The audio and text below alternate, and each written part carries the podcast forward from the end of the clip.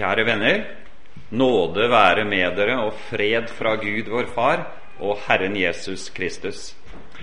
Det er Paulus sin nådehilsen i mange av brevene. Det syns jeg er en veldig god hilsen også å hilse dere med. Og det er en glede og et privilegium for meg å være her eh, i Tromsø. Det er ikke så ofte jeg er her. Jeg har jo vært der, selvfølgelig, men eh, det er ikke hvert år. Så veldig trivelig at vi fikk til denne temahelgen i dag og i morgen. Og jeg er jo veldig glad for også at Sven og Maren Veum, som sitter her også, de skal bidra i morgen. Det blir kjempebra. De setter jeg enorm pris på og vet at de har kvalitet. Så jeg håper eh, mange av dere kommer tilbake i morgen. Om dere ikke vil høre mer på meg, så i hvert fall kom klokka fire i morgen og hør på dem. Og Ellers så skal det være to andre uh, innslag fra meg. To andre taler. Uh, seminarsesjoner. Så dette blir jo en helhet.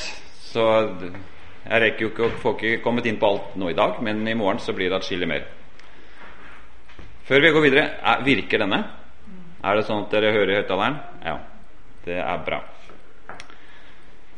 Jeg har lyst til å da sette denne sesjonen her, som har den tittelen som dere ser på veggen, og som mange sikkert har sett i programmet også, inn i en sammenheng først ved å stille noen spørsmål som er blant dem som vi hører mye om i dag, og som for noen få år siden jeg tror i hvert fall 95% kanskje enda mer av befolkningen hadde samme svaret på. De visste hva de trodde om dette, for det var jo nokså selvsagt, tenkte de.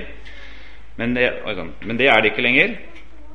Så nå er det helt uh, fullstendig både forvirring, oppløsning og ingen fasitsvar fra noen side, bortsett fra at det går i en totalitær retning, ser det ut til. At det skal liksom være én sannhet som skal gjelde. Men i hvert fall de spørsmålene syns jeg er interessante å starte med for å vise at uh, denne tematikken den er noe mye mer enn bare spørsmål om homofili. Det hører jo selvfølgelig med i tematikken, men det er jo bare en bitte liten del nå, fordi det har blitt helt nye perspektiver på kjønn, på seksualitet, på samliv, på barn osv. Som veldig mye av det har ingenting med homofili å gjøre, men det det temaet har kanskje fungert som en brekkstang, en døråpner, for et, en helt ny måte å tenke på. Sånn at vi lever nå i det som også er hovedtema for denne helgen, nemlig samlivsrevolusjonen og, og Bibelen, som det står i tittelen.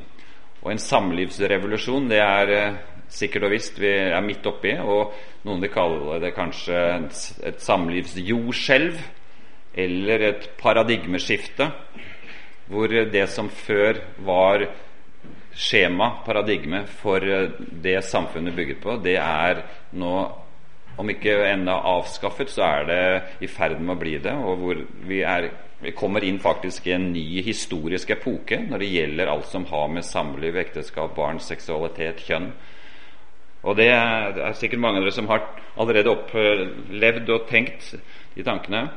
Men da, for å se på noen av disse spørsmålene som det er eh, interessant å legge merke til hvordan har endret svar i løpet av noen få år. Det første hva er egentlig ekteskapet? Er ekteskapet Guds skaperordning for en mann og en kvinne? Eller er ekteskapet en menneskelig oppfinnelse som vi står fritt til å definere som vi vil? Har barn rett til å kjenne sin egen mor og far og deres slekt? Eller har biologiske foreldre og slekt ingen eller liten betydning? Er planlagt farløshet og morløshet i strid med Guds vilje? Eller er to mammaer eller to pappaer like greit? Er far overflødig? Er samliv og ekteskap bare for to personer? Eller er tre eller fire personer like bra? Hvorfor, hvorfor ikke? Hvis to kvinner kan gifte seg, hvorfor kan ikke tre kvinner gifte seg? Er kjønn avhengig av hva vi føler, eller er kjønn bestemt av biologien? Betyr det noe at uh, alle kvinner har XX-kromosomer i hver eneste celle i kroppen, og at menn har XY-kromosomer, eller betyr ikke det noe? For kroppen er bare en sånn råmasse vi kan gjøre det vi vil med. Det som betyr noe, er følelsene. Og ånden, sjelen altså er, er vi inne i en ny form for gnostisisme. Så dette er eh, aktuelle spørsmål, og som eh, det har skjedd en ufattelig endring på i løpet av få år. Utgangspunktet for den endringen er bl.a. det er ikke det eneste, men det er bl.a. det som skjedde for tolv år siden, da Stortinget vedtok at ekteskapet ikke lenger bare er mann og kvinne, det er også mann-mann, kvinne-kvinne. Og det har jo da store konsekvenser for eh, forståelsen av kjønn, for kjønn er uvesentlig. Eh, to menn er akkurat like mye ekteskap eh, som mann og kvinne. Og barn har ikke lenger da rett heller på sin mor og far. Så hvis man først eh, avskaffer ekteskapsdefinisjonen, oppløser den og sier at eh, ekteskapet behøver ikke være mann og kvinne, så har man gjort den grunnleggende endringen, åpnet demningen. Og det som kommer etterpå, er langt på vei variasjoner over samme tema. At kjønn er uvesentlig, og at barn er en rettighet. Alt det får jo store konsekvenser på mange områder, og som vi ser også på disse spørsmålene her. Da kunne jeg tenkt meg å gitt dere et uh, par minutter til å prate sammen to og to, tre og tre, om de spørsmålene som står her. Hva har dere møtt? Hva har dere opplevd? Hva synes dere eh, kanskje er vanskeligst å forholde seg til? Hva er enklest å svare på? Tanker, assosiasjoner, følelser i møte med sånne type spørsmål. Så vær så god, da skal dere få to minutter. Så da er det bare å snu seg, bevege seg plass bort for å sitte inntil noen og prate. Så da sier vi det. Prat i vei.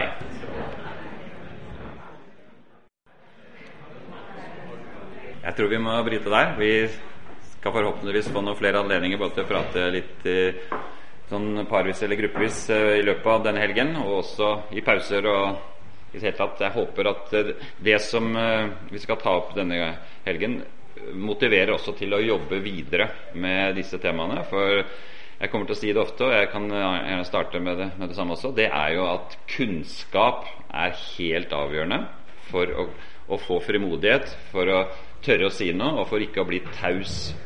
Og er det noe som jeg personlig og vi i stiftelsen Mor, far, barn er uh, veldig urolig for nå, så er det tausheten som råder i veldig mange kristne forsamlinger og, og grupperinger når det gjelder disse temaene. Det kommer vi tilbake til. Eh, når det gjelder viktige spørsmål, så er det et spørsmål som ikke er så veldig viktig. Men eh, kanskje noen lurer på hvem er egentlig Øyvind Benestad? Og Jeg tenkte jeg skulle gi en bitte liten presentasjon eh, i tillegg til det som Erik sa. Jeg har jo Oslo-dialekt, og det stemmer at jeg kommer fra Oslo-området. Eh, men etter hvert så flytta jeg sammen med kona mi, som jeg giftet meg med mens vi studerte, til Portugal. Så jeg har bodd ti år i Portugal eh, utsendt av skolelaget, studentlaget. Fordi laget er jo en del av en verdensvis skole- og studentbevegelse som har arbeid i 150 land. Og da hjalp den norske bevegelsen på 80-tallet med å bygge opp den portugisiske skolelags- og studentbevegelsen. Og da deltok vi i det. Ellers så har jeg eh, to, eller vi har to barn, og vi har noen barnebarn etter hvert, så det er jo stas. Og i tillegg som det ble nevnt at jeg har jobbet en del år i Åpne dører, så var jeg da ansatt i laget i over 20 år til sammen. Så studentarbeid er det som jeg har drevet aller mest med. Men også parallelt da de siste 15 årene så har det vært en god del arbeid med denne stiftelsen Mor, far, barn, som vi startet nokså nøyaktig for 15 år siden. Så det skal vi markere snart med en helsides annonse i Dagen og Norge i dag og Vårt Land. Så det får dere snart se det. Dere som følger med i en av de tre avisene. Hvis noen spør meg om jeg kan eh, presentere meg med noen få stikkord, eh, hvem jeg er, så pleier jeg ofte å si Jeg sa før at det var tre ord på K, mens nå har jeg funnet ut at det er fem ord egentlig som definerer meg ganske mye. Det er Kristus, kona og kajakken. Eh, de tre første. Og i den rekkefølgen. Det er veldig viktig. Eh, og så de to neste, det er eh, kaffe, men NB med vaniljesaus. Mm, det er så godt. Så det, det har hevet livskvaliteten min faktisk ved at jeg nå gleder meg hver morgen til å stå opp og drikke kaffe med vaniljesaus. Og så er det kalorier. Jeg er veldig glad i det søte, må innrømme det. Så det er eh, noe som, noen stikkord som sier litt uh, om meg, hvem jeg er, da. Men da skal vi ikke snakke mer om det. Da går vi tilbake til uh, temaet for denne kvelden. Og det har jo bl.a. med dette med radikal kjønnsideologi og regnbueflagg, altså Skeive dager og hele foreningen FRIs agenda, eh, som eh, vi skal snakke noe om i dag. Og dette da altså i møte med kristen tro. Hvordan forholder vi oss til dette? Det var vi Sånn. Skeive dager, vi går rett på sak der. Og prideparader, det er jo noe som eh, Foreningen FRI startet opp med for ca. 20 år siden i Oslo. Og de er nå arrangør eller medarrangør av de fleste skeive dager og prideparader på forskjellige steder i Norge. Eh, det er noen steder hvor de legger veldig vekt på at det er ikke sentralstyrt fra Oslo. Dette det er de selv som gjør det lokalt. Men det er jo selvfølgelig inspirert, og de får støtte og hjelp fra Oslo uansett. Og disse prideparadene de har jo nå økt voldsomt i antall. Det var bare i noen få av de større byene. Fire-fem steder var i mange år. Men for tre år siden så startet det opp noen eh, nye steder, og nå i fjor så var det faktisk 30 steder i Norge som arrangerte sånne prideparader. Og i år så har ikke jeg oversiktene, men det kan godt være at det blir 40 eh, steder. Og hvor ikke lenger det er eh, primært en manifestasjon og et opptog for folk som definerer seg som skeiv, eller som en del av seksuelle minoriteter. Men nå er det jo mange flere som deltar, som bare vil være med fordi de vil støtte mangfoldet. De vil støtte som viser sin solidaritet med ja, kanskje det Foreningen FRI står for, selv om jeg tror mange ikke er klar over det. Eh, hvor radikale de egentlig er.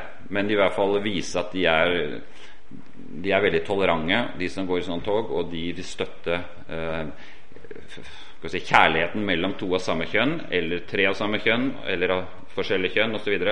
Uten at det er veldig bevisst. Så noen føler seg nok litt lurt, kanskje, når de går, etter å ha gått i sånt tog, hvis de eh, tenker at dette er for å støtte Foreningen FRI, og uten å vite helt hva de står for. Men eh, profilen på arrangementene presenteres jo da som støtte til homofile og som en feiring av kjærlighet og mangfold. Men i praksis så er i hvert fall etter min opplevelse og mine begreper at i praksis fungerer arrangementene i stor grad som en anerkjennelse og legitimering av den radikale kjønnsideologien som Foreningen FRI står for. Og Det er jo interessant at det regnbueflagget det er jo i bunn og grunn, og har vært det alltid, og er det fortsatt i de aller fleste land, det er et symbol for seksuelt mangfold, ikke mangfold i generell forstand. Det har de gjort siden det ble tegnet og de begynte å bruke det i San Francisco i 1978. Så er, har det jo vært kalt eh, både LHBT, eller blir fortsatt LHBT-flagget, homoflagget, skeivflagg, eh, i tillegg til et regnbueflagg som jo har seks farger, ikke sju, som er regnbuens farger. Og hvor mange nå, ikke minst ordførere, de føler at dette flagget det representerer mangfold i generell betydning. Eh, integrering av innvandrere. Selv om det er jo et veldig anti-integreringstiltak å, å, drive med sånn radikal kjønnsideologi, som veldig få av våre nye landsmenn syns er noe særlig bra. Ønsker ikke det for sine barn.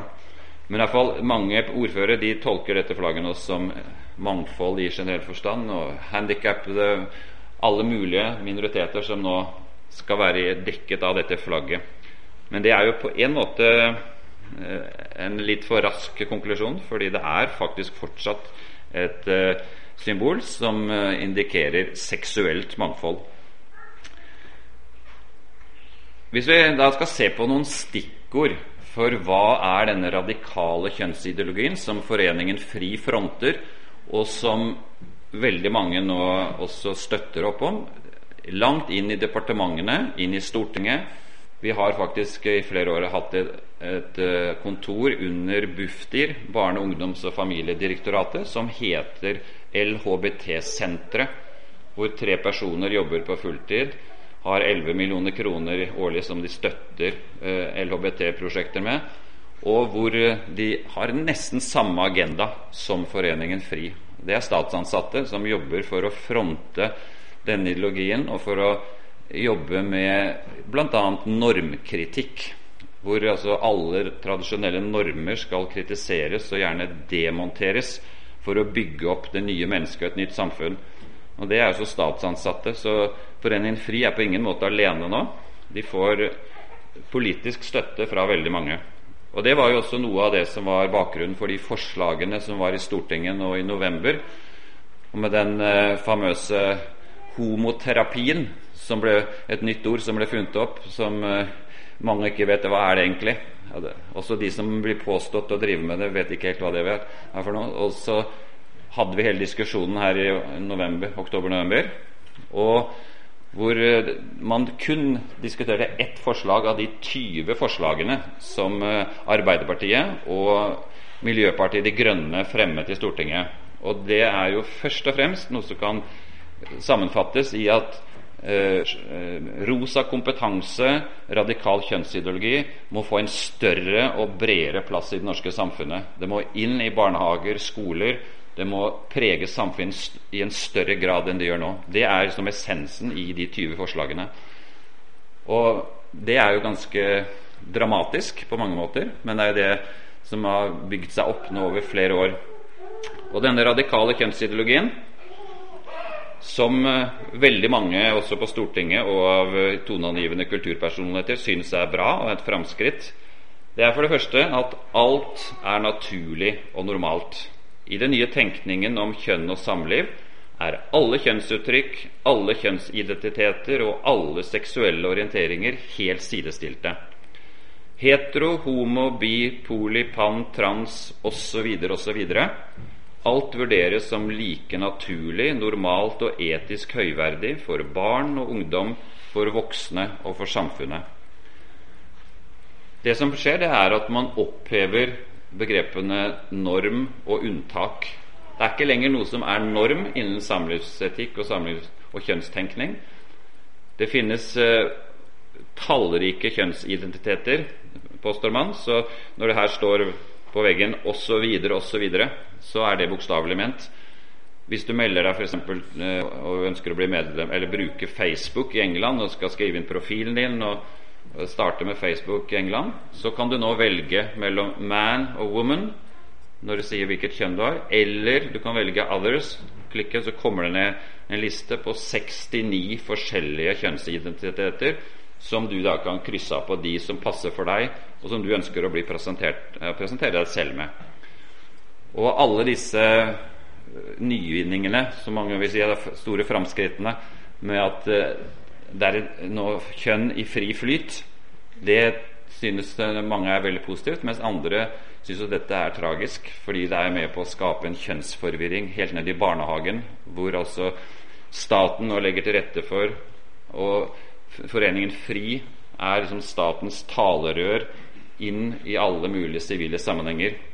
Og Det skal vi si litt om siden også, hvor dette, denne rosa kompetanse er et av redskapene. Sånne kurs for alle mulige yrkesgrupper, og også inn i skolen til elever.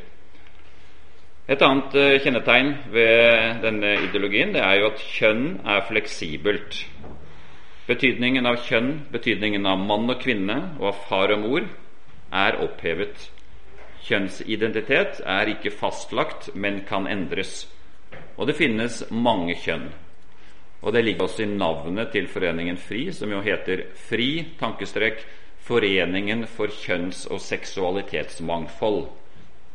Forening for kjønnsmangfold og seksualitetsmangfold. Og Det står eh, i deres politiske plattform direkte sitert en setning det finnes et mangfold av kjønn. Så det er eh, noe av det som eh, er et av de grunnleggende premissene i hele deres ideologi. Det er jo at det finnes mange kjønn.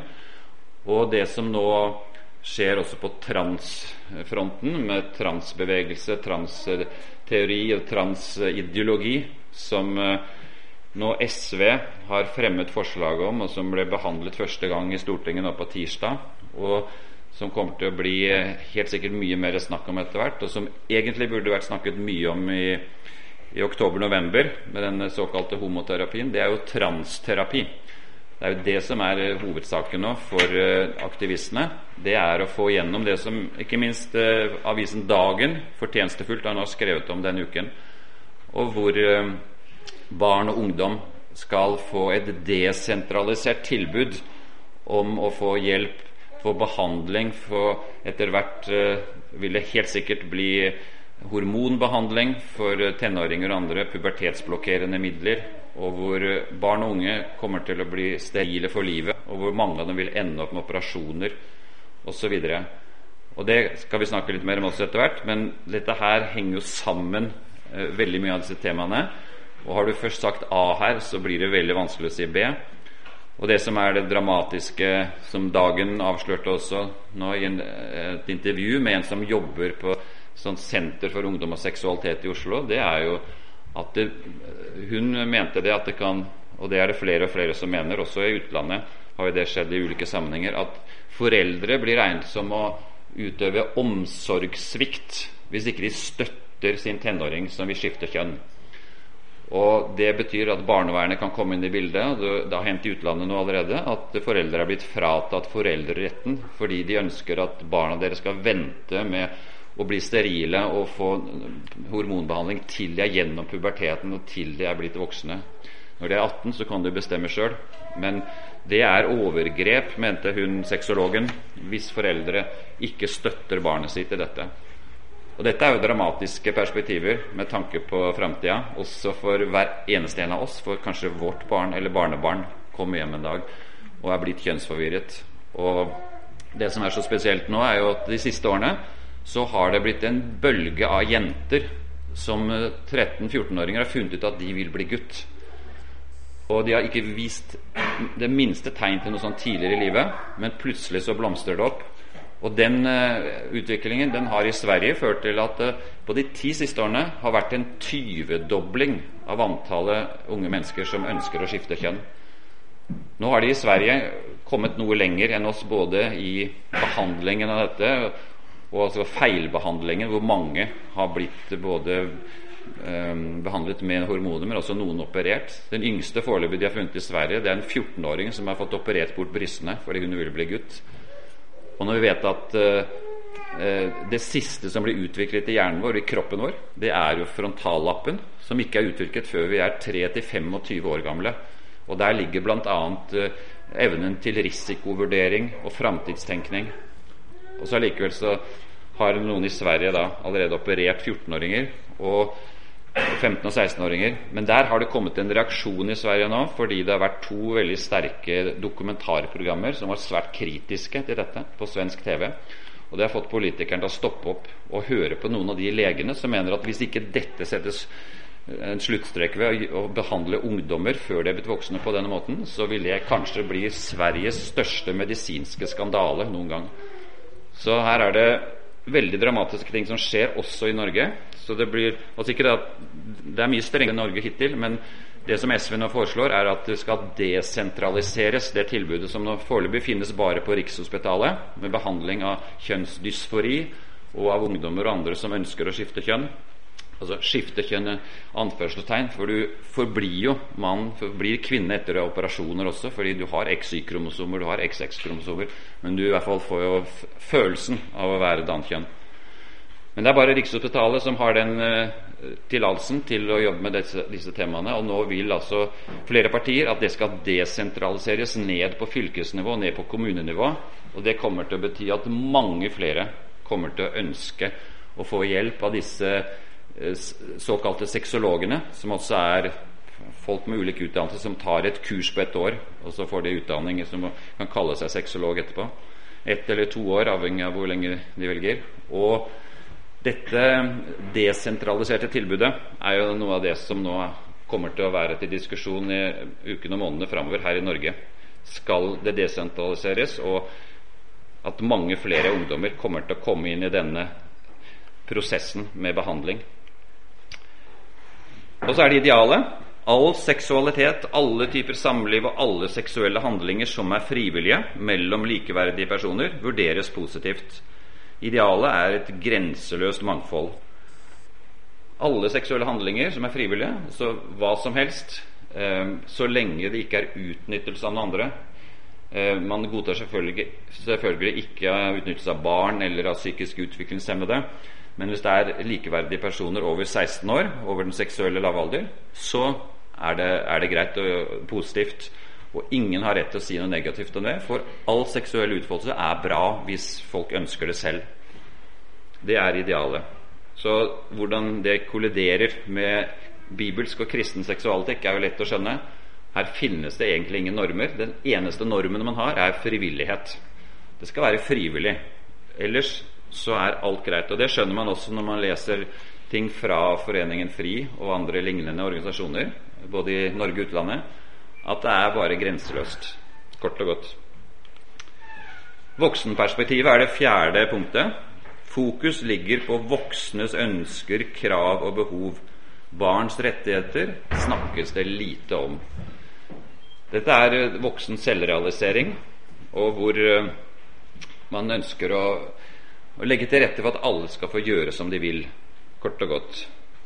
Så forsakelse, trofasthet, livsvarig eh, kjærlighet og sånn, det det er, behøver man ikke være imot, men det er fremmedord, nærmest. Det er svært lite oppe i bevisstheten. Og forholdet til barn, barns rettigheter, barns rett til mor og far f.eks., er jo fullstendig forlatt. Og barn er definert som en rettighet. Om ikke de bruker det ordet, så er det det i praksis det er. Fordi alle har nå rett uh, på å få barn. Og uh, hvis man skaffer det på um, en måte som ikke er tillatt i Norge, dvs. Si surrogati, som ikke er tillatt i Norge ennå, så får det ingen konsekvenser om man gjør det. Og det er jo nå noen partier, og Foreningen FRI taler varmt for surrogati i Norge også. Så det er et av de neste punktene som kommer eh, om noen år. Foreløpig er det bare to partier på Stortinget, to små partier, som ønsker det. Men det er veldig sannsynlig at det tvinger seg fram, for det er jo veldig diskriminerende da, at kvinner skal få statens hjelp til å få barn, men ikke menn.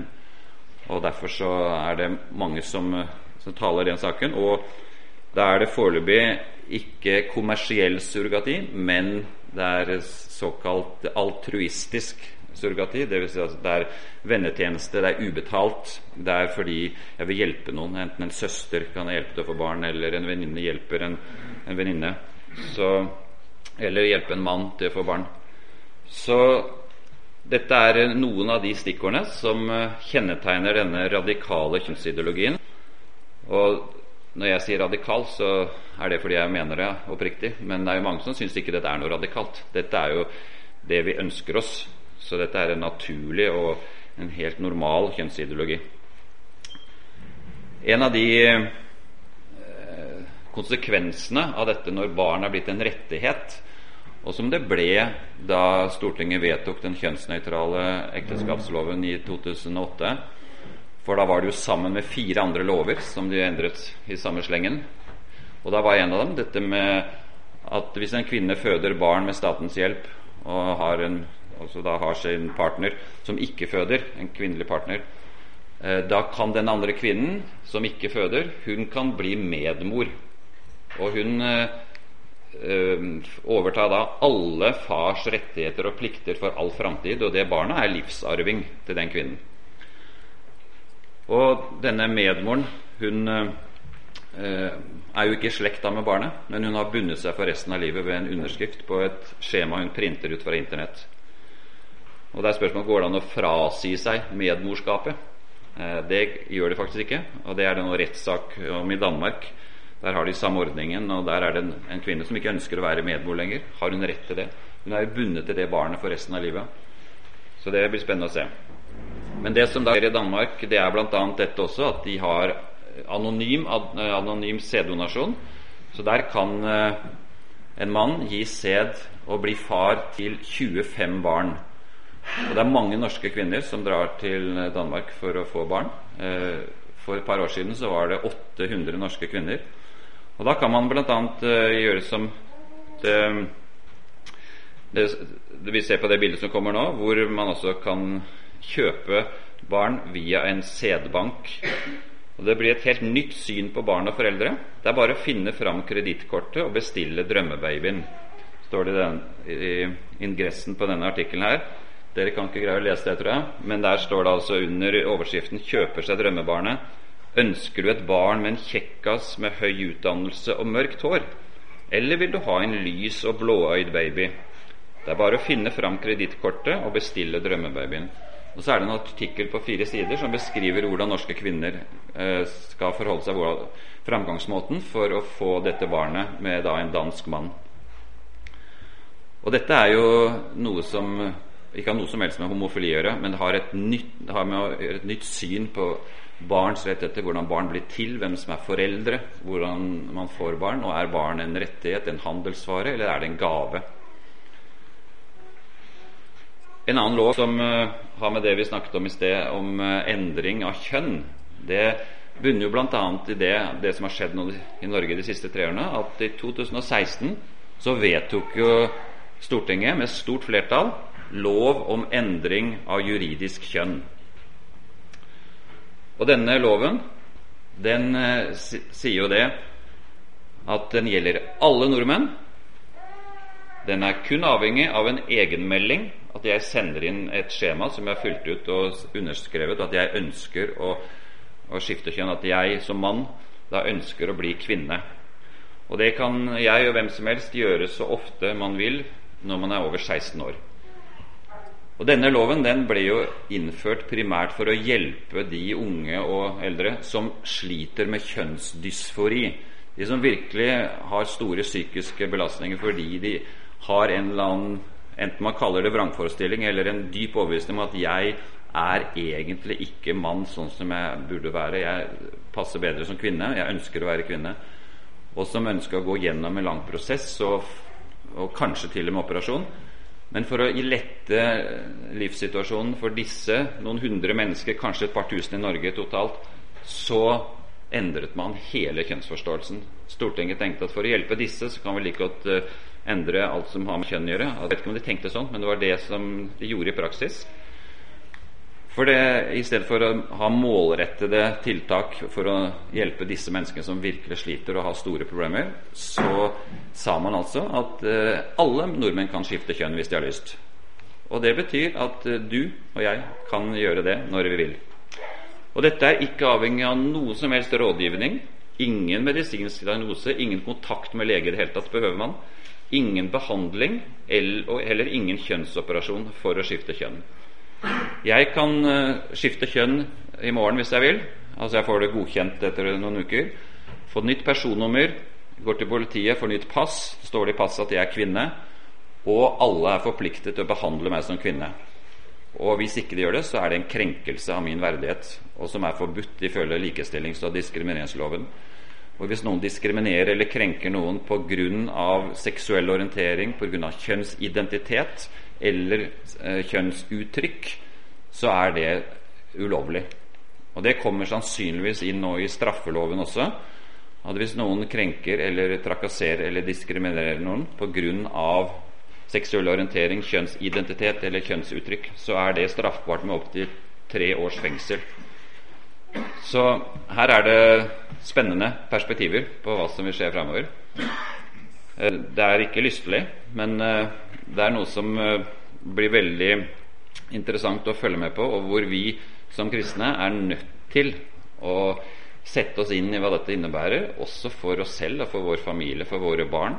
Og skaffe oss kunnskap, sånn at vi også kan hjelpe andre. For det er mange som kommer til å trenge hjelp både til å tenke klart, til å få perspektiver og skjønne hva dette er for noe, og til å ta gode valg. Barn ned til seks år kan skifte juridisk kjønn dersom begge foreldre er enige, sier loven. Og Det er sånn at uh, det er like rettigheter og plikter, de som da skifter juridisk kjønn, som alle andre med samme juridiske kjønn. Det er en kvinne med mannskropp, mann med kvinnekropp. Og juridisk mann kan føde barn. Det er et uh, ressursark som ligger på ditt bokbord her nede, eller langs veggen der. Jeg har med en del uh, materiell som dere kan se på der. Og et av de ressursarkene er nettopp dette um, Der menn føder barn. Vidunderlige nye Norge. Og Det står i forarbeidene til loven også at uh, med denne nye loven så vil menn kunne føde. Og det er jo ganske spesielt, men det er fordi da er det altså en kvinne som har blitt juridisk mann. Og hun er, kan være det resten av livet, se ut som en kvinne, men hun er mann ifølge loven og ifølge det hun er registrert som i folkeregisteret og ifølge passet sitt. Men hun kan allikevel føde, men som mann. Og dette er jo selvfølgelig åpent for veldig mye misbruk. Men eh, det var jo litt sånn, ikke om ikke typisk, så var det veldig tankevekkende at da denne loven ble innført, så skjedde det på samme måte som ekteskapsloven i 2008. Uten offentlig utredning, ingen sånn såkalt NOU, sånne hefte eller et, eh, nesten en bok eh, med utredning hvor et tverrfaglig og tverrpolitisk eh, utvalg hadde sittet sammen i et år eller to eller flere og jobbet med saken. Det var ingen NOU, det var ingen konsekvensutredninger. Det var ingen stortingsmelding hvor regjeringen la fram for Stortinget og fikk respons, og så bearbeidet, og så ble det sendt til lovbehandling. Alt ble hoppet over, og det samme skjedde også her, endring av juridisk kjønn. Bent Høie og andre presset dette gjennom fort for å få det gjennom, og det ble altså vedtatt i 2016. Så dette er eh, noe som er med på å forandre Norge, og som er gått under radaren for veldig mange også er ikke klar over engang at denne loven eksisterer. Men det vil bli følt i stadig sterkere krav nå i tida framover. Og mange flere vil skjønne at denne loven er jo der. Og det misbruket som kan, kan skje etter hvert, er jo det at hvem som helst kan skifte kjønn. Jeg snakket med en jente på 20 år som hadde lyst til å begynne på sykepleierstudiet. Men hun kom ikke inn på sykepleierstudiet på det universitetet hun hadde tenkt, uh, denne høyskolen, fordi hun hadde litt for lave karakterer. Men de kvoterer inn gutter, så hvis hun hadde skiftet kjønn til gutt, så hadde hun kommet inn. Og det vurderte hun litt om hun skulle skifte kjønn, og så kunne hun skifte tilbake året etter. Og da hadde hun kommet inn på sykepleierstudiet og kunne begynne. Eller sånn som vi leste i avisen her for et par måneder siden, at for andre år på rad så var det en canadisk juridisk kvinne, som er mann, eh, som eh, vant VM i innesykling for kvinner for andre år på rad. Han har måttet ta noe østrogen og få ned testosteronnivået litt for å kunne få lov til å delta som kvinne. Men han eh, er jo mye sterkere eh, enn eh, de fleste kvinner, og han er godt trent. Men kan da konkurrere på lik linje med kvinner og får medaljer og blir hyllet som verdensmester. Og nå på amerikanske universiteter så er det stort opprør mange steder fordi, og mye diskusjon fordi mange amerikanske, hvis ikke de fleste, universiteter og colleger i USA de har sånne idrettsstipender hvor folk som er gode i idrett, de får gratis eh, universitetsutdannelse hvis de deltar på laget eller på, i den idretten som det, som de, det fakultetet eller det universitetet ønsker å prioritere. Og da kan eh, kvinner søke på kvinneidrett og menn på mannsidrett. Men nå er det altså mange juridiske kvinner som egentlig er menn, som får stipendene i stedet for kvinner, fordi de har bedre resultater. Og de gjør det bedre, og de gir mer ære til universitetene når de vinner sine konkurranser. Så her er det jo utrolig mye som eh, kan bli ganske spennende å følge med på. Og samtidig så er det drastiske saker som eh, jeg ikke vet utgangen på, hva, om, det kommer noe pendelsvinging eh, etter hvert. Men det er i hvert fall noe som vi er midt oppi, og noe som er historisk. Og Hvis vi ser litt på bakgrunnen og drivkreftene for eh, denne utviklingen, så har det ikke kommet sånn bare plutselig av seg selv. Det er jo noe som har utviklet seg. Og det er mange forskjellige innfallsvinkler på det. Hvordan har dette skjedd? Og også hva er det som er bakgrunnen og motivene for det som skjer akkurat nå.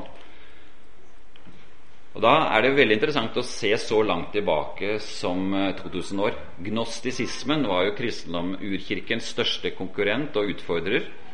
Og Det var en sånn blanding av mange forskjellige ting. og det kan sammenlignes litt med New Age i vår tid, hvor vi sånn plukker litt og setter sammen en ny religion. Og De hadde kristne elementer, men de hadde også andre hedenske elementer. Og de hadde en veldig klar dualisme, hvor det var mellom det onde og det gode. Det var mellom Gud og Satan. Det var mellom ånd og legeme, ånd og kropp. Og hvor kroppen var det som ikke var noe særlig verdt. Det var egentlig råmaterie. Mens eh, ånden, det var det som virkelig betydde noe. Og det er jo sånn overførbart i vår tid. Det er, det er følelsene som betyr noe. Hva jeg føler, og hva som jeg opplever og tenker, er det som betyr noe. Kroppen det er noe jeg kan gjøre med som jeg vil. For det er jo ikke meg, egentlig. Meg er følelsene mine. Jeg har en kropp, men jeg er ikke kropp. Mens det kristne tro sier jo at det er en intim sammenheng. Det er helt uløselig forbundet. Ånden eh, følelsene, kroppen Alt hører sammen i en enhet. Ånd, sjel og kropp. Og øh, kristendommen er jo kanskje den religionen i verden som setter kroppen høyest. Fordi det er gudskap. Vi er skapt i Guds bilde. Jesus kom som menneske. Inkarnasjonen. Alt dette er jo kjempeviktig i kristen teologi. Mens i denne nye tenkningen, også om kjønn her i Norge og i Vesten, så er kroppen eh, egentlig noe som er formbart, og som det er følelsen som skal styre over. Så Det har eh, sånne lange tråder tilbake helt til gnostisismen på begynnelsen av vår tidsregning. Så har vi opplysningstiden og sekulariseringen, hvor Gud ble detronisert. Han ble ikke nødvendigvis avskaffet, men han ble satt i nærmest i skammekrok. Det var menneskene og det autonome individet som eh, var viktig. Og så er det darwinismen og naturalismen, der hvor mennesket er et høytstående dyr. Det er egentlig ikke noe mer. Eh, vi har utviklet oss, og vi er bare litt lengre i utvikling enn andre dyr. Og Hvis du har det synet, så er det klart at da vil jo mye av disse tingene som nå skjer, eh, kunne liksom forsvares. Den seksuelle revolusjonen på 60-70-tallet, ja, 60-tallet særlig, som jo også medførte en helt ny måte å tenke på i forhold til seksualitet. Sex og kjærlighet er ikke nødvendig å høre sammen. Fri sex, det var jo et av slagordene. Og som jo er det fortsatt, ikke minst i foreningen FRI. Det er jo frihet på alle områder, også fri sex. Og så eksistensialismen på 50-, 60-, 70-tallet, som jo også hadde Og den lever fortsatt, den eh, ismen der, med valget, menneskets valg og autonome valg, som liksom konstituerer min, min person. Og det at jeg da velger eh, sånn som jeg ønsker, og hvor jeg som individ har den retten, og det er det som virkelig er viktig for meg, det er å velge akkurat det jeg vil. Og så er det postmodernismen på 80-90-tallet og utover, og hvor relativismen jo er gjennomgående trekk. Hvor finnes det sannhet? Nei, det gjør det vel kanskje ikke. Du har din sannhet, jeg har min sannhet. Og vi må finne fram til å kunne leve sammen med ulike sannheter. Og etisk relativisme, som jo også er en del av postmodernismen, men som også er et selvstendig eh, fenomen, det at etikken er relativistisk. Og altså, Den er ikke det for kristne, men for veldig mange. Du tenker sånn, jeg tenker sånn, og begge deler er like bra. Så vi får leve sammen med ulike e- etikker. Og Det som jeg opplever sterkere og sterkere, det er at vi lever på ulike etiske planeter, mange nå i Norge. Jeg lever på en helt annen etisk planet enn mange andre, og det gjør du også helt sikkert. Uansett hva du mener så, og tror, så er vi på ulike, veldig ulike steder. Og vi kan ikke lenger tenke at ja, i bunn og grunn så mener vi det samme, eller vi ønsker det samme, og vi tror det samme. Sånn i bunn og grunn. Nei, det er jo ikke sant i det hele tatt. Vi er veldig forskjellige i hva slags overbevisning vi har. Og så er det hedonisme, altså nytelsesmoral. Dette med det å ha det gøy, det å føle at nå lever jeg virkelig, enten det er å hoppe i fallskjerm, eller det er sex, eller det er alkohol, narkotika om det er sånn kick som åh, dette må jeg bare gjøre oftere. Uten tanke på nødvendigvis konsekvensene. Og hva betyr dette på lang sikt for meg og for andre. Og så til slutt det som kjennetegner vår tid også i sterk grad, det er jo en radikal individualisme. Selvrealisering er som hovedmål for veldig mange. Og det kan være på hvilket som helst plan. men at det er jeg som står i sentrum, og ingen har egentlig rett til å fortelle meg hvordan jeg skal leve. Jeg ønsker å leve sånn som jeg vil. Og denne individualismen er jo også i sterk kontrast til det som er Bibelens og ikke minst Nytestamentets eh, forståelse av et menneske, nemlig at vi er avhengig av hverandre. Som kristne er vi lemmer på samme kroppen. Vi er grener på vintreet. Vi er avhengig av hverandre, og ikke minst er vi avhengig av Gud.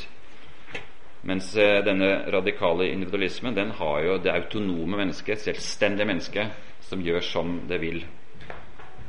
Så dette er noen av de drivkreftene som eh, har pushet på nå og har betydd mye i ulike sammenhenger, og som blir kombinert også sikkert med andre momenter.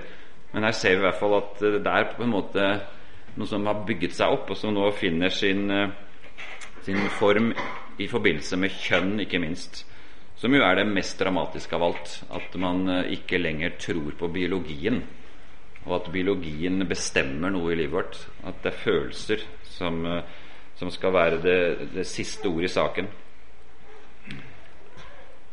Ellers er det jo synes jeg, interessant å bare se kort på Foreningen Fris navnehistorikk.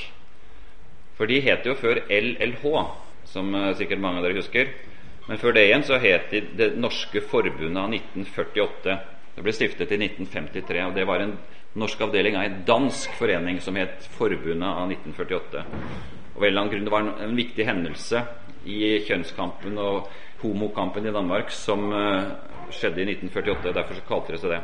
Så var det norske da bare en avlegger av det. Så i 1992 så ble alt sammen nyorganisert med nytt navn.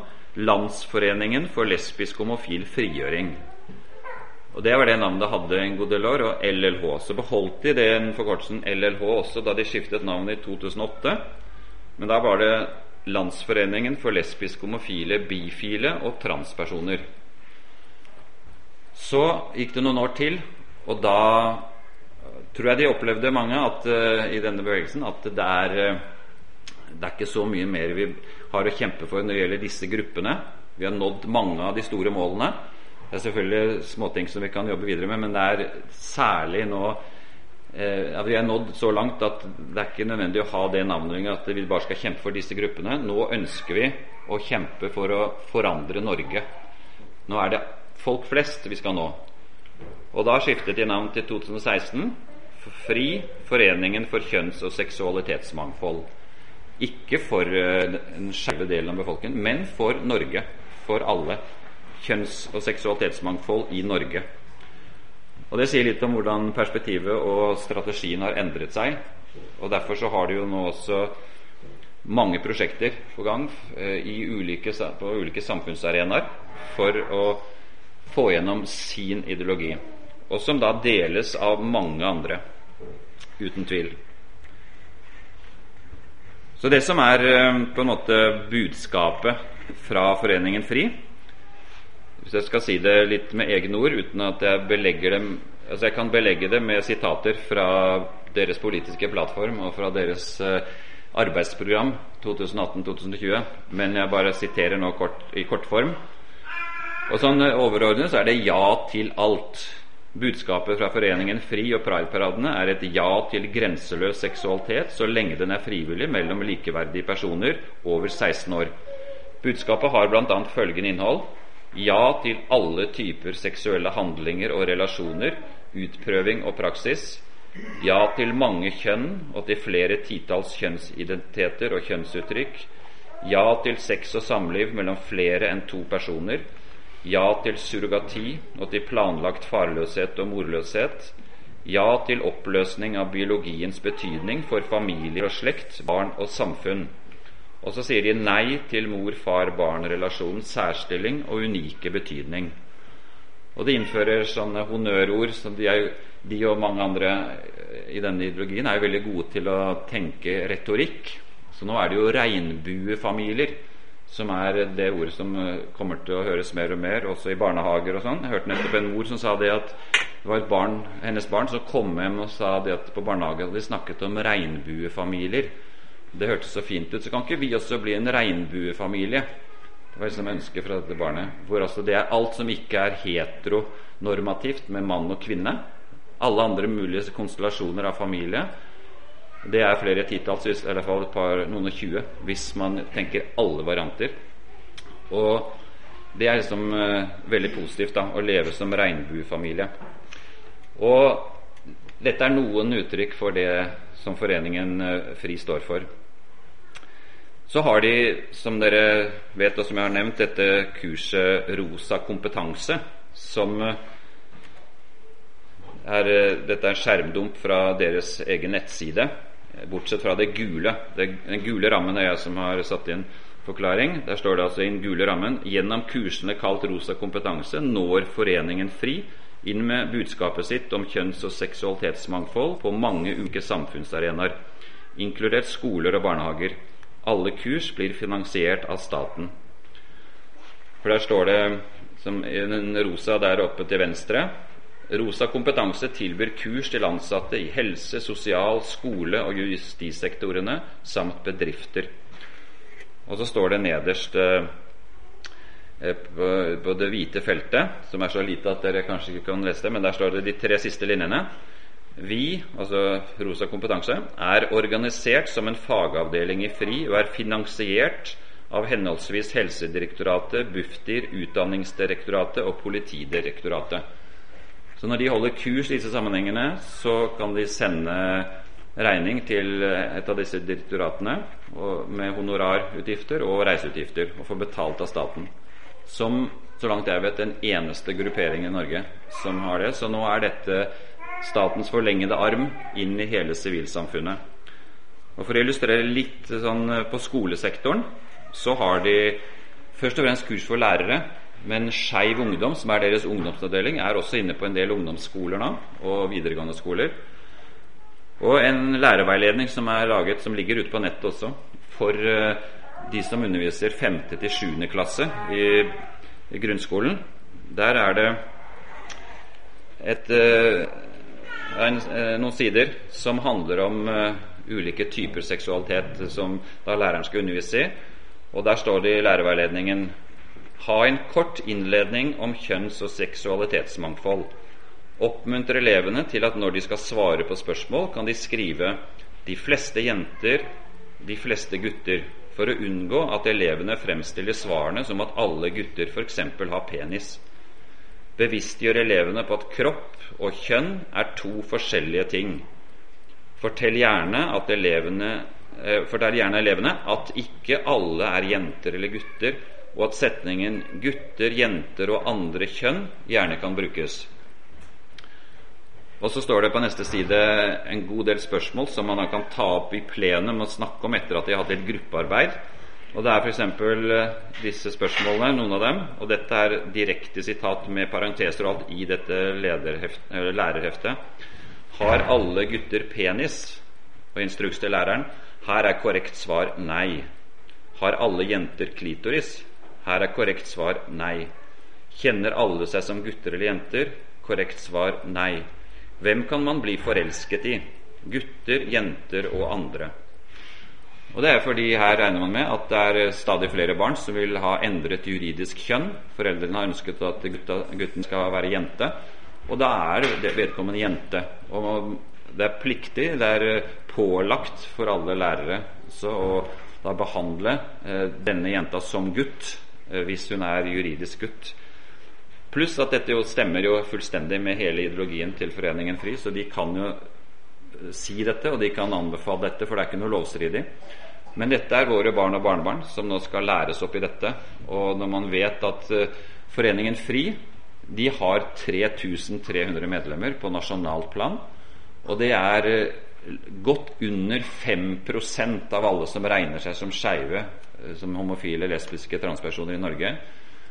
Eh, og allikevel så blir de regnet som å være representative blant politikere, enda det er under 5% av de som er skeive, som er medlemmer.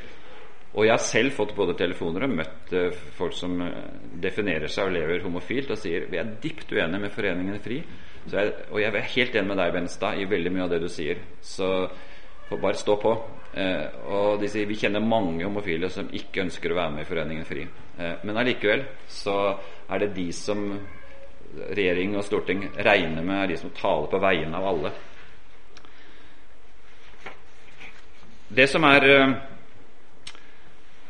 eh vår utfordring når eh, vi møter dette her, det er jo å formulere uh, det, vår skepsis på en positiv måte. Men først så må vi skjønne hva det er som eh, vi utfordres på.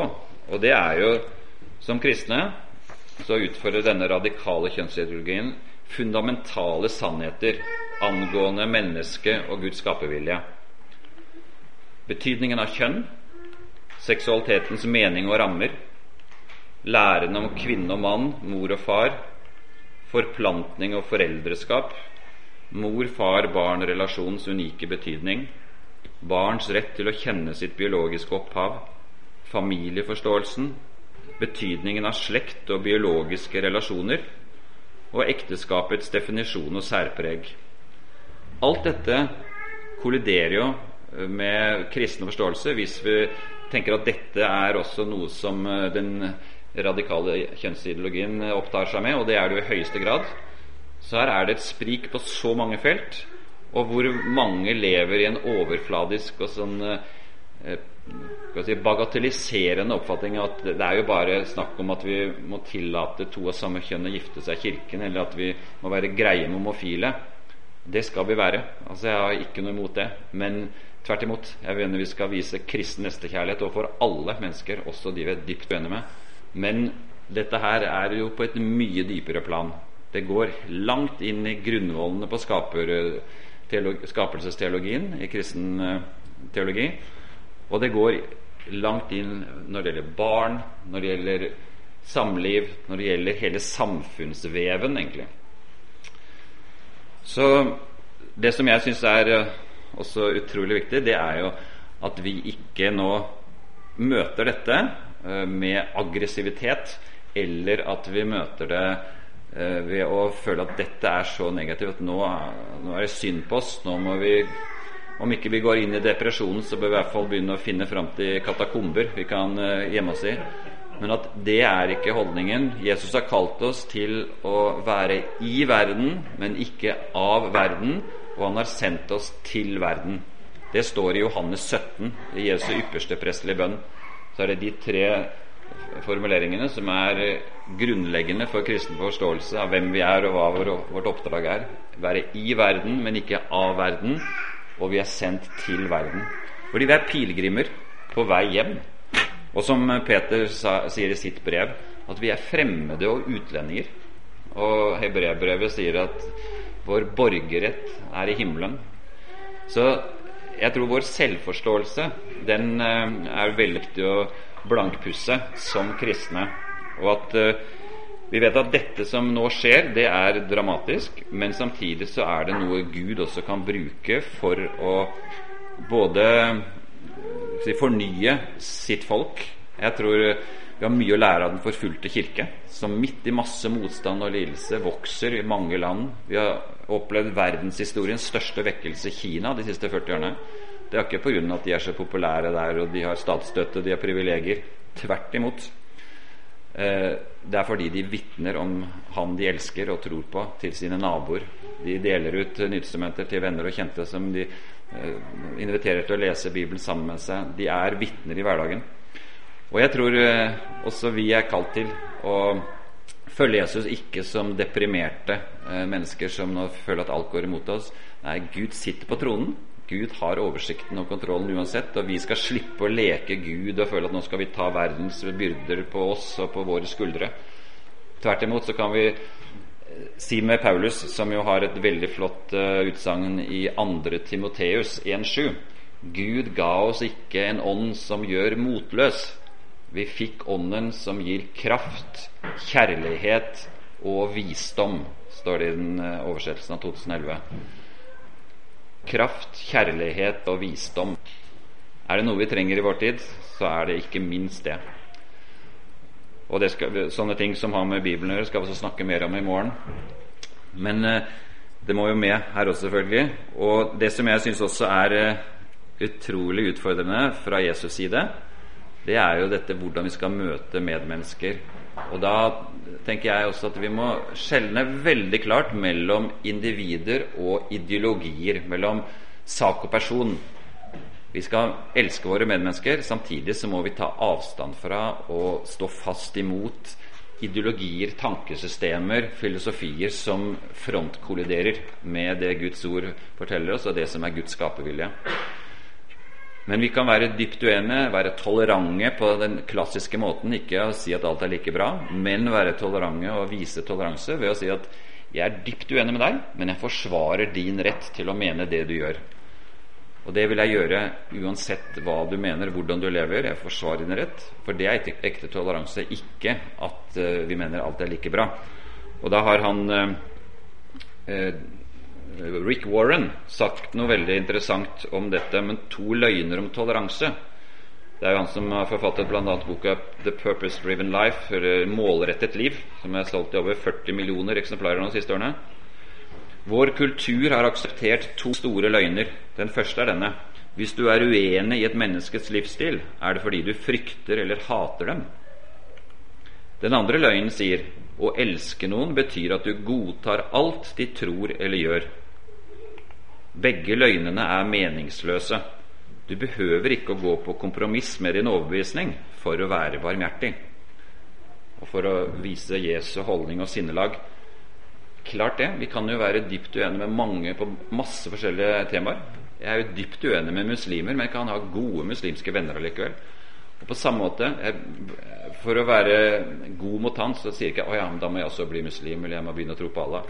Altså, det er jo helt, helt um, ja, crazy. Så vi har masse temaer og emner og livsstiler vi er uenige men som vi allikevel kan ha gode relasjoner. Men her virker det som mange eh, ikke greier å tenke klart. Eh, hvis sønnen min kom hjem og sa at du, pappa, jeg, jeg har funnet ut at jeg har egentlig tra transseksuelle følelsene. Jeg, føler meg som kvinne. Og har jobbet mye med det uten at jeg har sagt det til deg, så jeg ønsker å bli kvinne. Og han er kanskje til og med over 18, han må bestemme selv. Han ønsker å ta operasjoner og greier. Dette er bare tenkt tilfelle. Det er ikke sånn. Men, og, men, hvis han gjorde det, så ville jeg si jeg elsker deg uansett. Jeg er glad i deg uansett hva du velger. Men jeg er dypt uenig med at dette er noen god løsning for deg. Du kan ikke prate mer om dette osv. Men jeg ville ikke ta avstand fra han i det hele tatt. Jeg ville ønske at han og jeg kan bevare en god relasjon, selv om han etter hvert da opptrer som kvinne. Eller om kom hjem, eller datteren min kom hjem og sa at jeg tror jeg er lesbisk, jeg skal flytte sammen med en annen jente. Ok, Så bare elske dem enda høyere. Altså, Det er jo ikke snakk om å ta avstand, men det er å stå fast på det som Jesus er så tydelig på, og som Paulus er tydelig på. Det dreier seg om nåde og sannhet. To spor. To, sann, eh, to um, holdninger. Både nåde, masse nåde, radikal nåde, og radikal sannhet. Eller som Paulus sier, vi skal være tro mot sannheten i kjærlighet. Og Derfor så må vi skjelne veldig mellom eh, sannhet, som er saken, det er sannheten, det er det vi tror på, som er godt og rett og sant, og som ikke vi kan fire på. Vi må trekke grenser og si at hit, men ikke lenger. Samtidig må vi bygge broer av kjærlighet, av nåde, til andre mennesker. Og Det er ikke alltid enkelt, og folk vil sette oss i bås og tillegge oss meninger og holdninger vi ikke har, osv. Og, så og de vil prøve å fordømme oss på feil grunnlag, mange. Men der må vi bare vise, ut ifra det Jesus også forteller oss i eh, bergprekenen, som er jo noe av det mest radikale som finnes. Eh, jeg tror det er det mest radikale i noen religion. Ja, lest litt om dette her, og det er flere som sier at så langt de vet, så finnes det ikke noen annen religion et lignende utsagn som det Jesus kom med. Og det er eh, følgende Radikal og overraskende kjærlighet. Dere har hørt deg sagt, du skal elske de neste og hate din fiende. Men jeg sier dere, elsk deres fiender, velsign dem som forbanner dere. Gjør godt mot dem som hater dere, og be for dem som krenker dere og forfølger dere. Dette er så radikalt at vi kan ikke skjønne det nesten. Eh, og går det an? Og På en måte så går det ikke an menneskelig talt, kanskje, men, og det er ikke sånn at nå skal vi dra oss etter håret, og så skjer det noe. Jeg tror det er mye i den sannheten som uh, noen har sagt en gang, som jeg syns er veldig godt formulert.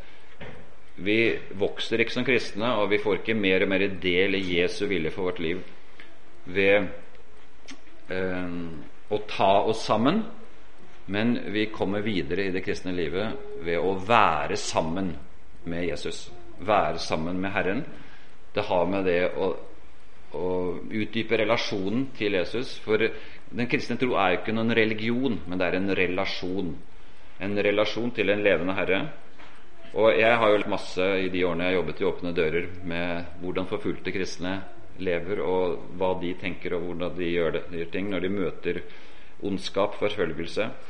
Og mange av dem viser jo i praksis at det går an faktisk å tilgi de som har brent huset vårt, tilgi de som til og med kanskje har drept mannen min, osv. Kvinner som forteller om det, og eh, andre lignende ting. Og et veldig godt eksempel også på tilgivelsens kraft, det er jo det som uh, han den uh, koptiske paven Jeg husker ikke navnet hans, men er øverste leder av den koptiske kirken i Egypt. De opplevde jo i 2014 var det, at 80 kirker ble brent i løpet av en ukes tid over hele Egypt. 80 kirker, muslimske brorskap og deres sympatisører, som brant 80 kirker. Og så gikk eh, denne paven på TV. Han ble, vet ikke om han inviterte seg selv, eller hva han gjorde. Men i hvert fall så ble han intervjuet i en slags dagsrevyprogram, et nyhetsprogram. Og så fortalte han om det som hadde skjedd, og sa at vi er dypt lei oss, vi gråter over dette som har skjedd. Men vi ønsker å ligne på Han som er vår Herre og Mester, på Jesus Kristus. Så jeg ønsker å si her offentlig til hele Egypts befolkning at vi har tilgitt disse handlingene og de personene som har gjort det. Og det gjorde et voldsomt inntrykk på mange i Egypt og muslimer som tenker at går det an? Altså, sånn er det ikke vi har lært. å Behandle våre fiender. Så kjærlighetens og tilgivelsens kraft er jo enorm. Og her er det ikke noen som kan rose seg noe som helst. Det vi får til, si, det som eh, Jesus gjør i oss og virker i oss, det er jo pga. hans handling, hans nåde, hans kjærlighet i oss. Ikke vår egen anstrengelse. Og Paulus syns jeg er et godt eksempel. Han har jo lært av Jesus tydeligvis. For han sier det når vi blir utskjelt, velsigner vi. Når vi blir forfulgt, holder vi ut. Når noen håner oss, svarer vi med vennlighet. Også radikal, radikalt utsagn, men samtidig sagt av en annen enn Jesus, av Paulus, som jo var en disippel som vi også er. Og vi har mye å lære av Paulus. Da er jeg kommet til uh, veis ende når det gjelder mitt uh, lille foredrag. Uh, vi gleder oss til morgendagen. Håper jeg ser en del av dere igjen da. Da har jeg lyst til å be en bønn til slutt. Herre Jesus, jeg takker deg fordi du har kalt oss til å følge deg. Du har kalt oss til å leve som dine disipler, som dine læresveiner, lærlinger. Og jeg takker deg, Jesus, fordi du er vår gode hyrde. At vi kan stole på at din vilje, det du har eh, fortalt oss og vist oss, det Guds ord åpenbarer for oss, det er til det gode for oss og for verden, for menneskene. Og Jeg ber Herre Jesus om at du må gi oss en solid tro på at du vil oss det beste, og du vil alle menneskers beste. Og jeg takker deg, Jesus, fordi vi kan få være dine vitner om eh, din kjærlighet, om din godhet, men også om din sannhet. Takk, Jesus, fordi vi får tilhøre deg og tilhøre din verdensvide familie over hele verden. Hjelp oss også å lære av våre forfulgte trossøsken hvordan de står fast i motgang og medgang, og hvordan de vet at du er skatten, du er perlen, du er verdt prisen som kanskje må betales. Og jeg ber Herre Jesus om at vi kan få lære å leve som dem når de bekjenner med Paulus at om vi lever, så lever vi for Herren. Om vi dør, så dør vi for Herren. Enten vi da lever eller dør, så hører vi Herren til. Amen.